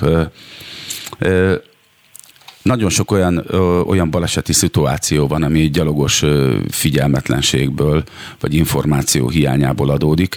Én például nemrég a kerületben lakom, be, 13. kerület belvárosi részén, nemrég elgázoltam egy, egy apukát, aki egy családjával haladt át előttem egy olyan úton, ahol nem volt kijelölt gyalogos átkelő hely, pedig szabályosan közlekedtem, és elkezdett velem üvöltözni, hogyha a járda meghosszabbításán kell át az úton, akkor neki van elsőbsége. Én meg úgy gondolom, hogy nem. Hát persze, hogy nem. Kivéve persze akkor, hogyha, hogyha valaki egy kanyarodó járművel keresztezi egy gyalogos útját ilyen formán. Azért tegyük tisztába, mert ez rendre előfordul, gondolom más belvárosi vagy nagyforgalmú olyan környéken, ahol lakóházak vannak és sok gyalogos közlekedik, hogy az, nagyon mm. sokan azt gondolják, hogy akkor is átkelhetnek az úton az autók előtt, hogyha járta meghosszabbítását folytatják, tehát abban az irányban folytatják az ő útjukat, mm. hogy hát nincs kijelölt gyalogos átkelőhely. Igen. Itt ugye megint az jön vissza, hogy nem az a kérdés, hogy valaki ismeri, vagy nem a közlekedés szabályait, hanem úgy közlekedik-e, hogy figyelemmel van részben a saját épségére, egészségére. Egy gyalogostól azt gondolom, hogy ezt mindenképpen elvárhatjuk, hogy saját magánál senki nem tud rá jobban vigyázni, és persze elvárhatjuk a többi közlekedőtől is, hogy figyelemmel legyen a környezetére. Tehát nem az a kérdés, hogy a szituációban kinek van elsőbsége, hanem az, hogy látjuk, észreveszünk egymást, és mind a kettőnk azt szeretné, hogyha sértetlenül tovább haladna ebből a szituációból. Valójában közlekedési szabályokról is működhetne a közlekedés. Bizonyára van a hallgatók között is olyan, aki állt ázsiai, adott esetben afrikai országban, akár közlekedésben is részt vett, és hát gyakorlatilag ott szabályrendszerről nem beszélhet beszélgetünk, ott csak egy szabály van, hogy vigyázz a másikra. És működik a dolog, tehát lehetetlennek tűnő forgalmi helyzetekben nem történnek balesetek, mert ott arra figyel az egyik, hogy mit csinál a másik, és nem az a fő kérdés, hogy nekem vagy neki van elsőbsége. Nagyon érdekes, amit mond az ezredes úr, mert az előbb is már felmerült, hogy, hogy ez nagyon fontos alapszabály, ez, hogy nem az a lényeg, hogy nyerjük a pert, hanem az, hogy ne történjen baleset egyrésztről. Uh-huh. Másrészt nem tud nem eszembe jutni, hogy amikor a legnagyobb fiam megszerezte a jogosítványt, nyilván ilyenkor és elkezdett vezetni, nagyon stresszes az ember, nagyon sok mindenre kell figyelni, amíg nem állnak be ezek az automatikus mozdulatok, odafigyelések, ellenőrzések, stb. stb. És mondtam, megpróbáltam neki segíteni, hogy leredukálni, hogy mire figyeljen oda, és én azt mondtam neki, hogy, hogy két dologra figyeljen, hogy látszódjon és egyértelmű legyen, hogy ő mit akar csinálni a uh-huh. közlekedésben résztvevő több, többi autós, vagy sofőr, vagy gyalogos számára, illetve ne menjen neki semminek. És ebben sok minden benne van, tehát hogy ezzel, ebben benne van az, hogy betartja a közlekedési távolságot, ebben benne van, hogy úgy kanyarodik, hogy figyeli esetleg a gyalogosokat, a kerékpárosokat, a többi, többi autóst, és hogy és hogy egyértelműnek kell lenni a szándéknak, és erről nem tudnám eszembe jutni, hogy hányan elfelejtünk indexelni. Ugye van, a, van ez a szakállas vicc a BMW gyáros, az Intex szerelőjére a világ legfölöslegesebb foglalkozása, de tényleg hajlamosak vagyunk nem jelezni, és nem a többi közlekedésben résztvevő többi ember számára nem teszik egyértelművé a szándékunkat. Ebből is gondolom sok baleset van. Az a helyzet, hogy minél több közlekedési mód jelenik meg az egyébként ugyanazon az útfelületen, beleértve most már ugye a mikromobilitás eszközeit is, egyre inkább igaz lesz az a tézis, hogy a közlekedési szabályokkal nem lehet kordába tartani az utakon a rendet. Egyszerűen nem kerülhető meg az a tény, hogy a közlekedésben résztvevőknek független attól, hogy miként vesznek abban részt, egymásra oda kell figyelni. És ha ez egyszer megtörténik, ha idáig egyszer eljutunk, akkor talán még az a helyzet is eláll, hogy a közlekedési rendőrségre többet nem is lesz szükség. Hát igen, az mondjuk ilyen paradicsomi, idillikus állapot lenne, de egy nagyon erős gondolat volt ez, hogy a közlekedési szabályokkal nem lehet a közlekedésben fenntartani a rendet, miközben nyilván nem tudok tiltakozni, hát gyakorlatban tényleg valami hasonló látszik. Ez viszont arra enged következtetni, hogy ezt bizony, bizony tényleg kisgyerekkorban, akár óvodáskorban el kell kezdeni tanítani az embereknek, a gyerekeknek kislányoknak, kisfiúknak egyaránt. Mi az, amit mindenképp el kell kezdeni megtanítani mondjuk egy óvodás vagy egy kisiskolás gyereknek?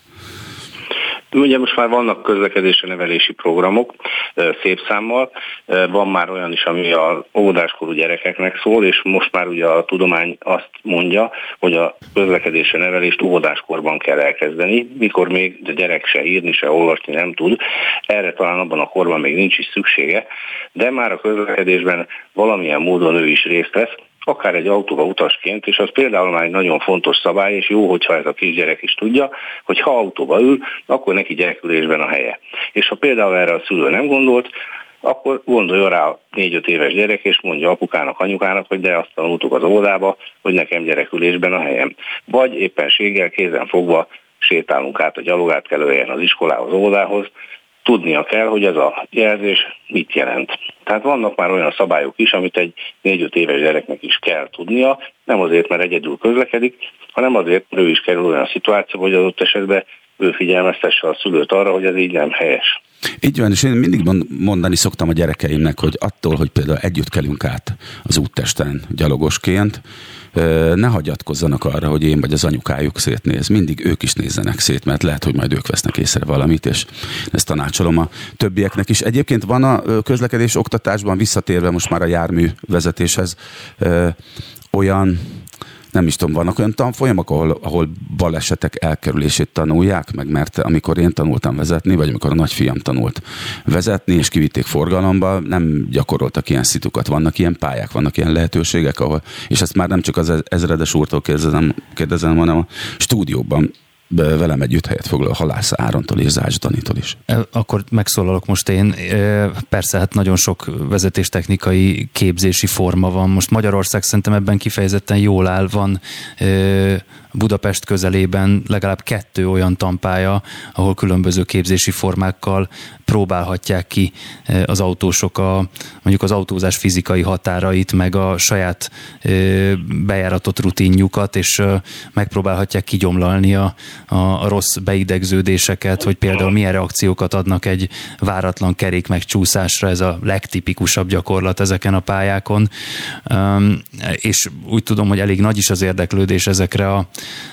ezekre a, ezekre a képzésekre, de mondjuk a jogosítványszerzésnek a körülményei azok szerintem a, a szükséges abszolút minimumot biztosítják. Tehát ha valaki megszerzi a jogosítványt, az nem fog tudni jól autót vezetni, vagy jól részt venni a, a közlekedésben, és adott esetben, hogyha olyan, olyan szokásai alakulnak ki, akkor évtizedekig csak a szerencsén fog múlni, hogy nem okozott balesetet, mert, mert rossz beidegződések alapján vezetett, esetleg csak a saját környékén környékén is csak azokat a helyzeteket, helyzeteket ismerte meg, és tanulta meg kezelni, amelyek ott jellemzőek, és semmi mást. Én azt tapasztaltam, több mint 30 éve van jogosítványom, hogy mindig a megúszott balesetekből tanulok a legtöbbet, de hát az élethez szerencse is kell. Egyébként gondolom. én föltennék egy kérdést az ezredes úrnak. Ugye a, Óbudai honlapot, vagy Óbuda városrész honlapját nézem éppen, ahol január 25-én megjelent egy hír arról, hogy 20-án, tehát 2022. január 20-án ismét sebességmérési akciót tartott a rendőrség a kerületben, és biztos tudja utána mondani a számot, ami ebből született, de elmondom inkább én, 6 óra alatt 158 gyorshajtót uh. talált a rendőrség, és ez volt talán a harmadik vagy a negyedik ilyen célirányos akció. Ez ott a, gyakorlatilag ott a Flórián téren szoktak leginkább mérni. Ennek az akciótípusnak kétféle megítélése létezik Magyarországon. Az egyik az az, hogy hát nem kell gyorsan menni, és akkor nincsen csekk. A másik megítélése az sok autóstól hallható, hogy a bevételszerzésre játszik a rendőrség, és biztos helyszíneket választ. Ugye Óbudán ezeken a helyeken megváltoztatták a sebességhatárokat a közelmúltban, és a korábbi 70-es szakaszok helyén 50-es táblákat raktak ki.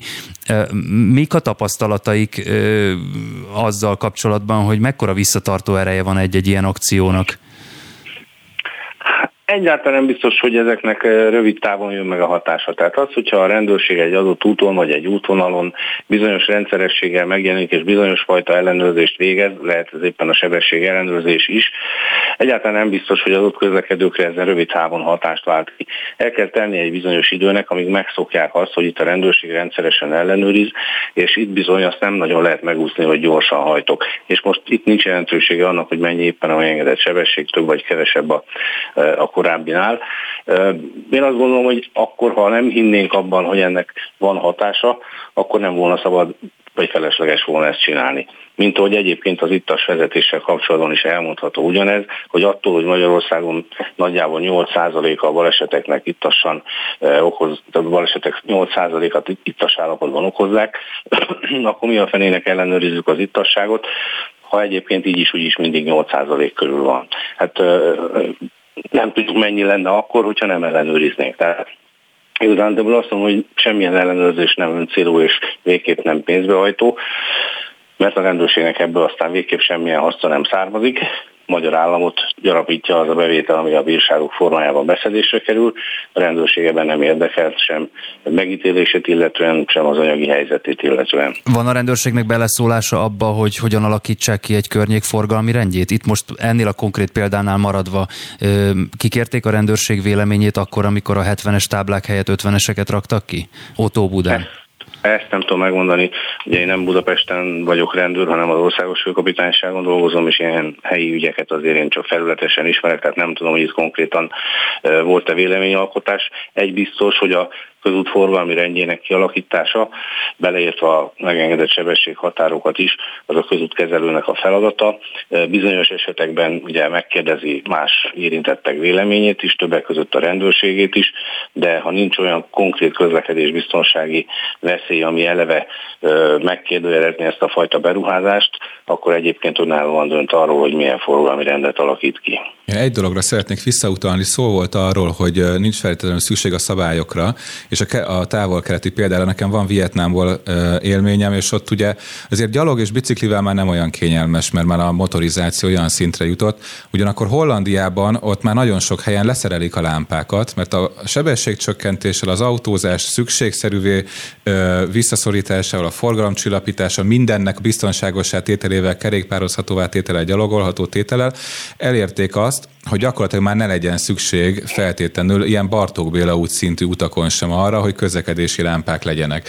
Mert az emberek interakció alapján tudnak közlekedni. Tehát ami, onnantól kezdve, hogy nem egy ö, gyorsan menő járműben ülünk benne, hanem, hanem emberi sebességgel közelítünk másokhoz, már a szemkontaktus, meg ez az interakció, az odafigyelés meg tud oldani, és meg tud előzni nagyon sok problémát. És ott már ez egy, ez egy több évtizedes tapasztalat, és nagyon nagy tanulság, hogy így tudták visszaszorítani sok esetben a baleseteket. Ez jó hallani, és reméljük, hogy nem sokára majd mi is eljutunk ideig, de a következő fél órában még biztosan nem. Nagyon köszönöm Overling József ezredes úrnak, hogy velünk volt a következő fél órára még maradunk Zás Dániel és Halászáron társaságában, és a közlekedésről beszélünk itt a beszólóban. Most pedig akkor jöjjön egy kis muzika, meg ajánlok. Beszóló Interaktív kibeszélő show a Spirit fm minden hétköznap délután 3-tól. Várjuk hívásaikat a 0630 116 38 44-es nem emel díjas telefonszámon. A mikrofonnál Cutor Zoltán. Az utolsó fél órában is közlekedés a téma, és Zászdan és Halász Áron a vendégem itt a stúdióban remélhetőleg a végéig is azt mondta az előbb Áron, hogy nem fogja elmondani adásba, de lehet, hogy kompromittáló helyzetbe hozom. A közlekedésben a szexizmus talán még lehet egy picit téma, ezen, ezen van mit csámcsogni. Taxisoktól hallom nem egyszer, hogy hogy a, a nők néha a közlekedésben, egyenrangú útkereszteződésben például elvárják azt az elvet, amit amúgy gyalogosként, akár egy épületen belül, vagy egy gyalogos hagyományos szituációban tényleg elvárható, hogy a férfiak előzékenyek vagy udvariasak legyenek, egyenrangú kereszteződés, vagy a jobb kész szabály érvényesül. De nagyon sokszor látják azt, hogy hogy balról érkezik egy hölgy, amikor felismer, lassít, és amikor felismeri, hogy ez a sofőr akár a taxis maga, az férfi, akkor zokszó nélkül tovább hajt, hiszen ő, hiszen ő nő, nem hölgy. Viszont Dani, Zás Dani azt mondta, hogy ő határozottan cáfolja ezt, hogy ő női vezetők között nőtt fel, és ott, hogy ő nem tenne ilyen I- Igen, distinkciót. tehát, hogy, hogy a, nálunk a családban azért volt némi hagyománya az alkalmi bolyrészelkedésnek, és, és hát hangsúlyozottan nem anyám vezetett így, uh-huh. ilyen érdekérvényesítő, meg versengő módon. Jó, de hát az amúgy is jellemzi a férfiakra. És, és ő volt az, aki nem is tudom, 30 akárhány évig vezetett úgy, hogy egy koccanása nem volt soha. Miközben simán lehet, hogy én hamarabb elváltottam volna a hármast, mert a motor már le volt rendesen forgatva, mert még az előző autónak a gyengesége miatt így használta a következőt is. Hogy kipörgette magas fordulat hát? Fölöslegesen, fölöslegesen. fölöslegesen sikítatta szegény autót, de hát Istenem, szóval, hogy ebből baleset nem nagyon szokott származni, mert egyébként meg, egyébként meg azt láttam, hogy, hogy ő körültekintően vezet, és nem, nem generál ilyen helyzeteket, mint amit mondtál, hogyha egy egyenragú kereszteződésbe megérkezett, és neki nem volt elsőbsége, akkor is érvényesítette ezt a, ezt a, a nőségéből adódó. Miért lehet előny? az, hogy ez a, ez a sztereotípia a sző, szőkenő a kormánynál, és annak, hogy meg, tehát nem, nem akarok senkit állásfoglalásra kényszeríteni. Mi pláne Szerintem, nem szexista, de hogy miért? Van miért egy ilyen beidegződés, nem, hogy a, az autóvezetés, meg minden ilyen komoly dolog, az egy férfi Uralom dolog, a vasat. Nem? Ez ilyen férfi attribútum Magyarországon.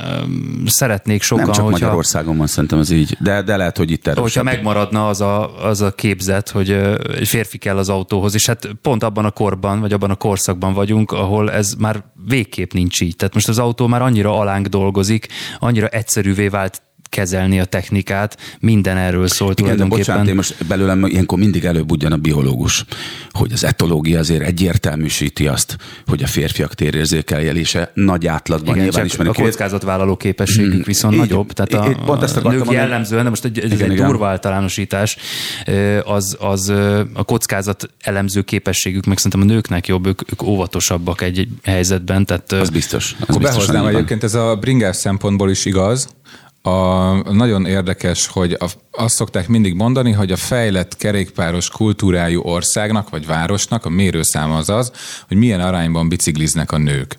Aha. És Magyarországon ez vidéken nagyjából kiegyensúlyozott, Budapesten nem annyira, Hollandiában az mit jelent, hogy nem annyira? százalék a nők Hogy Budapesten a nők vagy a férfiak bicajzik Hát a férfiak, igen. De miért? Én azt gondolom, hogy vidéken inkább a férfiak. Érdekes, hogy, hogy városrész függő, tehát a belvárosban nagyobbak az arányok, szoktunk mérni, tehát mm-hmm. néha kiállunk egy-egy csomópontba, és akkor van egy Google táblázat, amiben vezetjük a, a, az adott 20 percben férfi-női arányokat, és a legjobb az ilyen 35-40 40 százalék, de inkább a 30-35 szokott lenni a belvárosban a nőknek. És minél kijebb mész, vagy minél inkább ilyen sportosabb környezet, kevésbé barátságos környezet, kevésbé van kerékpáros infrastruktúra, vagy messzebbre kell menni, vagy hasonlók, annál inkább ö, férfi arány uh-huh. növekszik. A legjobb szerintem ott a Calvin tér környékén szokott lenni a női arány. A... Tehát ha valaki biciklis csajokat akar nézni, akkor üljön akkor, ki Calvin tér. Akkor igen, hát egyetemek vannak, könyvtárak vannak, meg egyébként bringasáv minden irányba meg nyilván ott ugye a fiatalok is többen vannak, és ezért a fiatalok között többen bicikliznek a Budapesten. Egyébként vidéken a kutatásaink szerint ott ez nem annyira múlik el az idők folyamán. Nyilván, ahogy munk, attól függ, hogy nyilván milyen munkát válasz, milyen messzire kell menni, annál inkább átülsz kocsiba, gyerekeket milyen messzire kell szállítani, van-e jó tömegközlekedési alternatíva, messze van a suli, akkor inkább kocsiba ülsz, ha, ne, ha közel van és barátságos a környezet, akkor biciklizel, és ez nagyon-nagyon meghatározza például, hogy milyen arányban kerékpároznak a nők. De tényleg az van, hogy Hollandiában ott, ott, ott látod az anyukákat, akik fölteszik a két-három gyereket a bringára, a gyerekülésbe, vagy akár ilyen nagyobb dobozos biciklibe, és arra még akkor a bevásárlás is fölfér, és ők viszik és ez teljesen természetes. De nyilvánvalóan a környezet is olyan, és itt szokott ez jönni, hogy a kockázatvállalási készség a nőknél az alacsonyabb. Igen, hát ennek nagyon jó. Ha szeretnénk autózni definiálható biológiai mögött, akkor támogassuk a kerékpáros fejlesztéseket. Egyébként ilyesfajta elvárás van a kerékpáros hölgyekben, hogy, hogy a kerékpáros férfitól udvariasságot várnak el esetleg Nem, olyan annyi, is? annyi van, hogy ne füttyögjenek, meg ne szóljanak be a lámpánál, azért ilyen szokott történni, és ez hmm. nem értékelik a többség. Ja, de bocsánat, de hát ez meg, ennek meg nem a közlekedéshez van köze. Igen. Valószínűleg. Tehát ez gyalogosként is bekövetkezik, hogyha mondjuk ott az állványzaton dolgoznak a melósok, de egyébként olyan csaj is van, aki amúgy ezeket szereti, de az egy másik műsor és másik beszélgetés témája. Nem beszéltünk a parkolásról és a parkolóhelyekről, pedig nagyon fontos, pláne egy, ugye azzal kezdtük az adást, hogy, hogy milyen, milyen zsúfoltak az utak, és hát emiatt ugye parkolóhely is alig van, és nagyon sokan akár kis autóval is faligálnak mondjuk egy olyan helyen, ahol járda van. És sőt, már szerintem van, aki már sportot csinál ebből, hogy egyrészt becsapja az autósokat, azt hiszik ott egy parkolóhely, már éppen fordulnék be, de látom, hogy nem, nem, csak egy kis smart állott. Hát és, és tudom de fokozni. Úgy, hogy gyalogosok de felpakolja magát három Megnézitek azt a múlt hét szombati telexes cikkünket, eh, amit Új Péter Tamás kollégám írt, és tele van eh, fotókkal, az Óbudai lakótelepen konkrétan az történik, hogy tele van a parkoló, és aki az egymás mellett álló autók mögé áll keresztbe, az nem húzza be a kéziféket, hogy arrébb lehessen tolni az autóját. Ha valaki el akar menni az ő takarásából a kocsiával, akkor az megtehesse. De hát az jó felség, nem? Hát igen, csak ez ugye olyan állapotokat tükröz, amelyek tarthatatlanok, és egyébként nyilván, ezen nyilván. felül még a parkoló bejáratokban, kijáratokban is ilyen tubarózsa-szerűen állnak az autók mindig, sokszor nem fér el a kukásautó, és ugye úgy kezdtük az adást, csak nem volt még akkor itt áron, hogy erre két ö, szélsőséges válasz adható. Ö, az egyik az az, hogy még több parkolót kérünk, ö, ö, lebetonozni a játszóteret, vagy nem tudom, most direkt provokálok. De ilyen van Székesfehérváron, nekem hőbörgött az egyik ottani ismerősöm, a másik, ahol ő labdázott, ott már parkoló van. Ez borzasztó. Ez borzasztó. Ne legyen titok a véleményem, ez szörnyű. A másik, az a másik szélsőséges vélemény pedig az, hogy de hát kedves emberek, hát ott van a hév, ott vannak a buszjáratok, ott a Szent Lélektér, oda kell sétálni, föl kell szállni a buszra, ott van a közelben a villamos, fonódó villamos a kör, környéken jár, tehát minden adott ahhoz, hogy lehető legkevesebben akarjanak autózni, csak, és hát innen kezdtük a beszélgetést, ez nem ilyen egyszerű. Tehát nem, ez nem úgy van, hogy egy társadalomban két-három év alatt, vagy akár tíz év alatt megváltozik egy ilyen szerzett jognak az attribútuma, mint hogy saját autója lehet most már mindenkinek.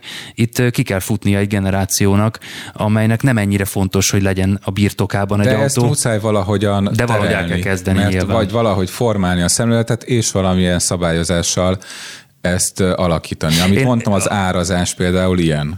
A... Igen, én a megértést hoznám be ide faktorként, csak hogy értsük, hogy ez a mostani helyzet, ez nem fog nagyon gyorsan megoldódni, és, és ennek igazából nem, nincs egyértelmű felelőse. Ez a mi társadalmi fejlődésünknek egy ilyen De hogy nincs felelős, a döntéshozók a felelősei. Tehát ha nem lépnek, akkor abból az lesz, hogy elkezdjük teleparkolni a zöldet, és utána már természetesnek vesszük azt, hogy akkor az legyen lebetonozva.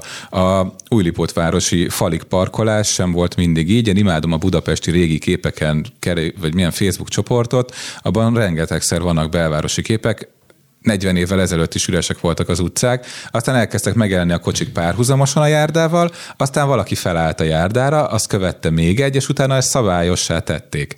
Ez egy döntés volt, és, és, és, és ez is megágyazott annak, hogy természetesnek vettük, hogy a közterületet így használjuk. A városnak tömegközlekedéssel tökéletesen lefedett környékén, ahol minden közel van. Tehát még gyak, tényleg nem, a többség nem azzal jár a mindennapokban, nem kocsival jár, és, és, és amíg ez így van, addig ez, ez De ott történni. tartja az autóját. A, vagy az, hogy a hétvégi ingyen parkolás, ugye a hétköznap már fizetős a parkolás, de a hétvégén még ingyenes. A West End beérkező emberek, azok nem biztos, hogy a West End parkolóházában fognak leparkolni, lehet, hogy azért, mert tele van, lehet, hogy azért, mert nem tudom, hanem inkább kint az utcán. És amikor én hazaérek mondjuk a hétvégi kirándulásból, akkor, akkor negyed órát keringek, mire bepréselem valahova a kocsit, azért, mert látom, hogy jönnek az emberek a, a zacskókkal a bevásárlásból, a West Endből, mert ők ingyen parkoltak az utcán egész nap, és, és, és, és egyelőre még nem nem gondolja azt az önkormányzat. Egyébként most meg is tiltották, hogy ilyen díjakat vezessenek be az önkormányzatok, tehát hogyha akarnának, se tudnának, de a hatodik kerületben viszont már úgy döntöttek, hogy oké, okay, akkor, akkor kijelölünk lakossági parkolóhelyeket, mert hogy az nem oké, okay, hogy tehát a metróval is be lehet jönni a külvárosból. Tudom, hogy a család jön be mozizni, akkor az nem olyan kényelmes, mint kocsival, de azért az sem túl kényelmes, hogy, hogy nem lehet az utcákon elférni. Tehát muszáj valamilyen szabályozást bevezetni, mert simán szemléletformálással nem fogsz elérni sem. Nem, nem, én a, a szabályozás nyilván fontos, de én inkább azt mondom, hogy ezt a mostani helyzetet jól meg kell érteni ahhoz, hogy tudjuk, hogy nem fog pillanatok alatt megváltozni, és hogy az autóhoz való viszonyunkat kell igazán érteni ahhoz, hogy tudjuk, hogy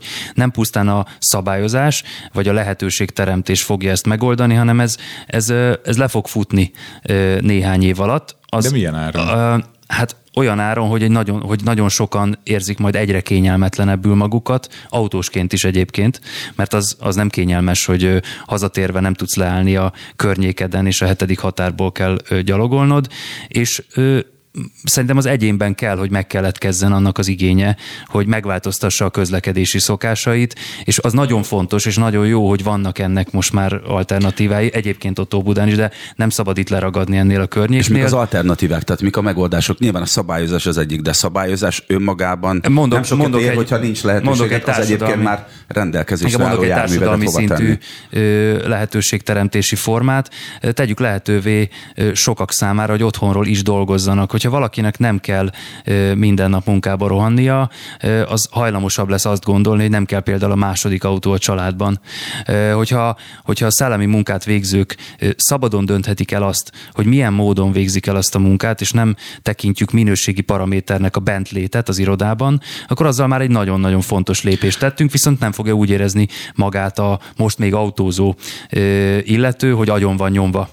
Tehát erre ez most azért fontos. Szerintem hát ez most ha fontos. akartuk, ha nem erre most lehetősége volt nagyon sokunknak. Két Így van, és sokan fel is ismerték, és ugye itt kezdtük, amikor Áron megérkezett, hogy sokan úgy ültek rá a bringára, hogy, hogy kiürült a város, és, és ugye volt a, kör, kerék, a körúti kerékpársáv ügy, volt pontosabban az, hogy kialakítottak egy nagyon hosszú szakaszon egy kerékpársávot, azzal kapcsolatban kifejlődött egy társadalmi vita, és ez valahol megállt egy ilyen, egy ilyen köztes állapotban, a, a kialakított kerékpársávok egy részét visszaalakították, de, de a lényeg az az, hogy a nyugatitól át tudsz így menni van, pontosan. Budára. Én Kőbányára így jöttem, hogy a hmm. Baros utcán is bekötötték a Kőbányai úti bringa utat, és van egy valamilyen hálózat. Egyébként nem teljes, a Margit hidig még nem ér el, és ott meg is vannak ennek a problémái, sokan emiatt például a járdán bicikliznek. Van egy érdekes tendencia a világban, ezt a szünetben beszélgettünk Párizsról. Párizsban a 15 perces város fogalma az, ami most gyakorlatilag a programja az ottani polgármesternek, és amivel őt újra választották. És ez egyébként radikális forgalomcsillapítással is jár, de mellette Mit arra, jelent ez a 15 arról szól város? 15 perc, hogy 15 percen belül te érd el azokat a funkciókat, amikre szükséged van a városban. Azt Tehát, hogy legyen bolt a közelben, legyen iskola, legyen munkahely, vagy legyen jó tömegközlekedési kapcsolat, hogy messzebb tudjál menni, és, és akkor mondjuk egy fél órán belül eljussál a munkahelyedre. Nálunk azért ez nem mindenhol van így. És úgy épülnek például a városnegyedek Budapesten is, hogy ott nincs iskola, óvoda, bölcső, de nincs egy szupermarket, nem építenek hozzá villamosvonalat, ugye most a egyetem rakparton azért az állam pénzén építenek majd villamosvonalat, mert a, a városnegyedet úgy építették fel, hogy ez nem történt meg, de ugyanilyenek a 13. kerületi lakótelepek, meg még nagyon sok helyen a városban, hogy gyakorlatilag emberek ezrei, tízezrei költöznek oda úgy, hogy autózásra vannak szorulva. Jó esetben egy kis bolt van a lakóparkban, van. talán még az sem. Egyébként Párizsra térve, évvégén a mennyasszonyommal ott voltunk két hétig, és gyakorlatilag az időnk nagy részét bringán töltöttük.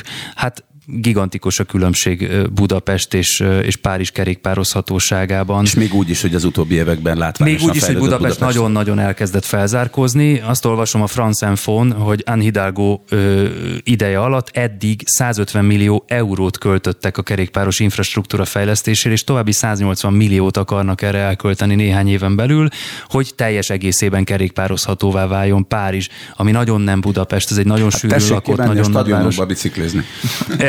és, és akkor a tapasztalat nagyon röviden úgy szól, hogy mindenhonnan, mindenhova el lehet menni bringával. A kerékpár megosztó szolgáltatások egymás lábára lépve vetekednek az ügyfelekért. Kifejezetten olcsó a megosztott bringa. Ez most egyébként Budapesten is elég olcsó már.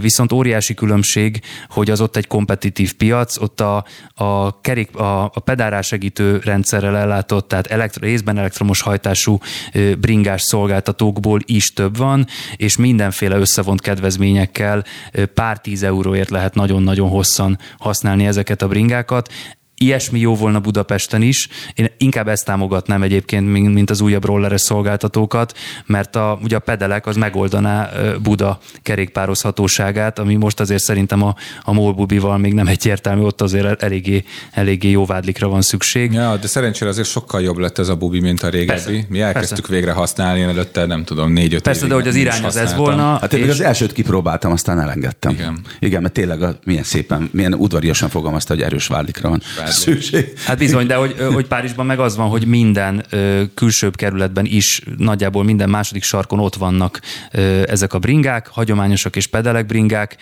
az applikációval egy pillanat alatt ki lehet őket bérelni, és aztán a következő közlekedési csomópontnál metróra váltáskor vagy a célállomáson le lehet tenni, mert ott van a következő gyűjtőpont, annyira kézenfekvő tehát így használni a várost, és ez még kiegészítendő azzal, hogy ezek az infrastruktúra fejlesztések olyan leválasztott kerékpár utakat, sávokat, ezt pontosabban inkább Áron tudná megmondani, jelentenek, ezeket eredményezték, hogy az is biztonságban érezheti magát a közlekedésben, aki egyébként nem szeret autók közbringázni, mert a legtöbb helyzetben egyáltalán És nem kell. nekik szólnak a biciklis fejlesztések, nem azoknak, akik már bicikliznek, hanem azoknak, akik mondjuk csak a hétvégén szoktak, vagy egyáltalán nem, mert félnek kimenni a kocsik közé. Oké, okay, uh, tök sok mindent mondtatok arról, hogy mi az alternatív útja annak, hogy hogyan, hogyan megyünk tovább, és ez nyilván előfeltétele annak, hogy, hogy egyáltalán fejlődhessünk, vagy egyáltalán bevezethessünk szigorú mert hiába tiltunk meg valamit, hanem adunk egy másik alternatívát, hogy akkor hogyan juss el, hogyan közlekedj. De hát ezek az autók már rendelkezésre állnak, ezek már itt vannak közöttünk, ezeknek meg kell találni a helyét, és nagyon sokan laknak, és valószínűleg fognak is lakni a belvárosban. Azt nem mondhatjuk, hogy neked nem lehet autód, téged megbüntetünk, vagy, vagy igazság igazságtalan nagy terhet teszünk rá, rád azért, mert te birtokolsz egy gépjárművet. Ezek az autók már itt vannak sajnos.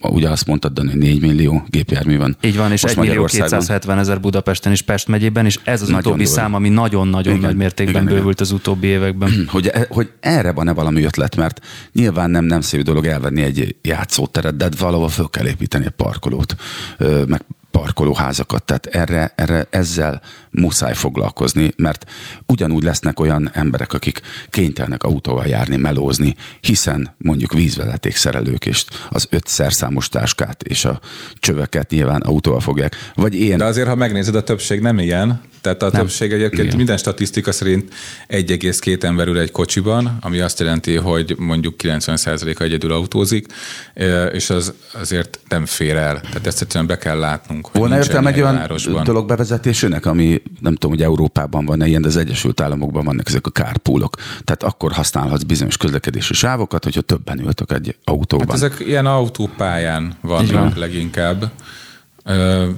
Igen, csak nem az autópályákon van itt igazán baj, hanem, hanem a városban is, a De város a városon belül is be lehetne ilyet vezetni. Nyilván az, az a helyzet, hogy az Egyesült Államokban a városokon belül is nagyon sok autópálya van, és ezért aztán így talán nem érdemes, hogy különbséget tenni. Hát az egyik, igen, az autók számának féken tartására az egyik varázsszer az a, az autómegosztó szolgáltatás, de hát nagyjából 1200 autó van Budapesten a három szolgáltató birtokában, ez egy mikroszkópikus mennyiség, azért voltak ambiciózusak ezek a cégek, amikor megjelentek, mert tudományosan kimutatható, hogy amikor valaki magánautót birtokol, akkor az az idő nagy részében 80-90 százalékában áll és foglalja a helyet, és a megosztott autónál ez egy lényegesen csekélyebb arány, hiszen azt mindig, vagy nagyon gyakran kibéreli valaki, és ez gyakorlatilag hatékonyabb helykihasználást jelent, de szerintem ez a többség számára prémium szolgáltatás, ennek a megfizethetősége még akkor is távoli sokaknak, hogyha egyébként az autófenntartás vagy az autótartás költségei azok egyébként egész magasak, hogyha az amortizációt meg az értékvesztést is beleszámítjuk. Tehát szerintem ez is egy alternatíva, de nem ez lesz a megváltás. Itt egy szép lassú folyamat lesz majd az, hogy sokan önként felismerik, hogy, hogy aránytalanul sokat áldoznak és keveset vesznek ki abból, hogy kettő autójuk van, illetve napi szinten abból, hogy kerületen belül autóznak, és az utolsó kilométerüket is autóval teszik meg, noha egyedül ülnek az autóban is. Itt ezt maguktól nem ismerik fel az a baj. Tehát itt, itt vagy, amit mondtál te is, Zoli, hogy adni kell valamit, de közben, Így van. közben Így van. szabályozni is muszáj. Tehát legyen, legyen vonzóbb a tömegközlekedés. Egyébként szerintem sokkal jobb Budapesten a, a BKK szolgáltatás, mint azt gondoljuk, mint azt én gondolom bicikliszemmel. Tényleg nem, tényleg nem rossz. De nyilván lehet rajta fejleszteni, és kell is. Bár most már visszaállhatna a metró. Ugye, hát az már lesz metró. őszre elvileg. Hmm. Legyen, legyen kényelmesebb a kerékpározás, vonzóbb, mondjuk, hogy több nő merjen kerékpározni, és legyenek biztonságosak a közterek, hogy a gyerekekkel lehessen gyalogolgatni. Mert enélkül ki fognak költözni az emberek a belvárosból, de ugyanúgy be fognak járni, ezzel újabb kiköltözést generálnak, és, és továbbra is élhetetlen marad. És mellette, míg vonzóbbá tesszük az alternatívákat, muszáj valahogy beárazni azokat a társadalmi közösségi költségeket, amiket jelenleg az autózás okoz. Tehát a, azokat, a, a, ami a balesetveszélyből, a, a légszennyezettségből, ami a közterek használatából fakad, a házak felújítása, a kátyúzások ára, tehát ezeket tudom, hogy fizetjük, tudom, hogy vannak adók, de ezeket... Szerintem ezt a választói se... csoportot senki nem meri megsérteni.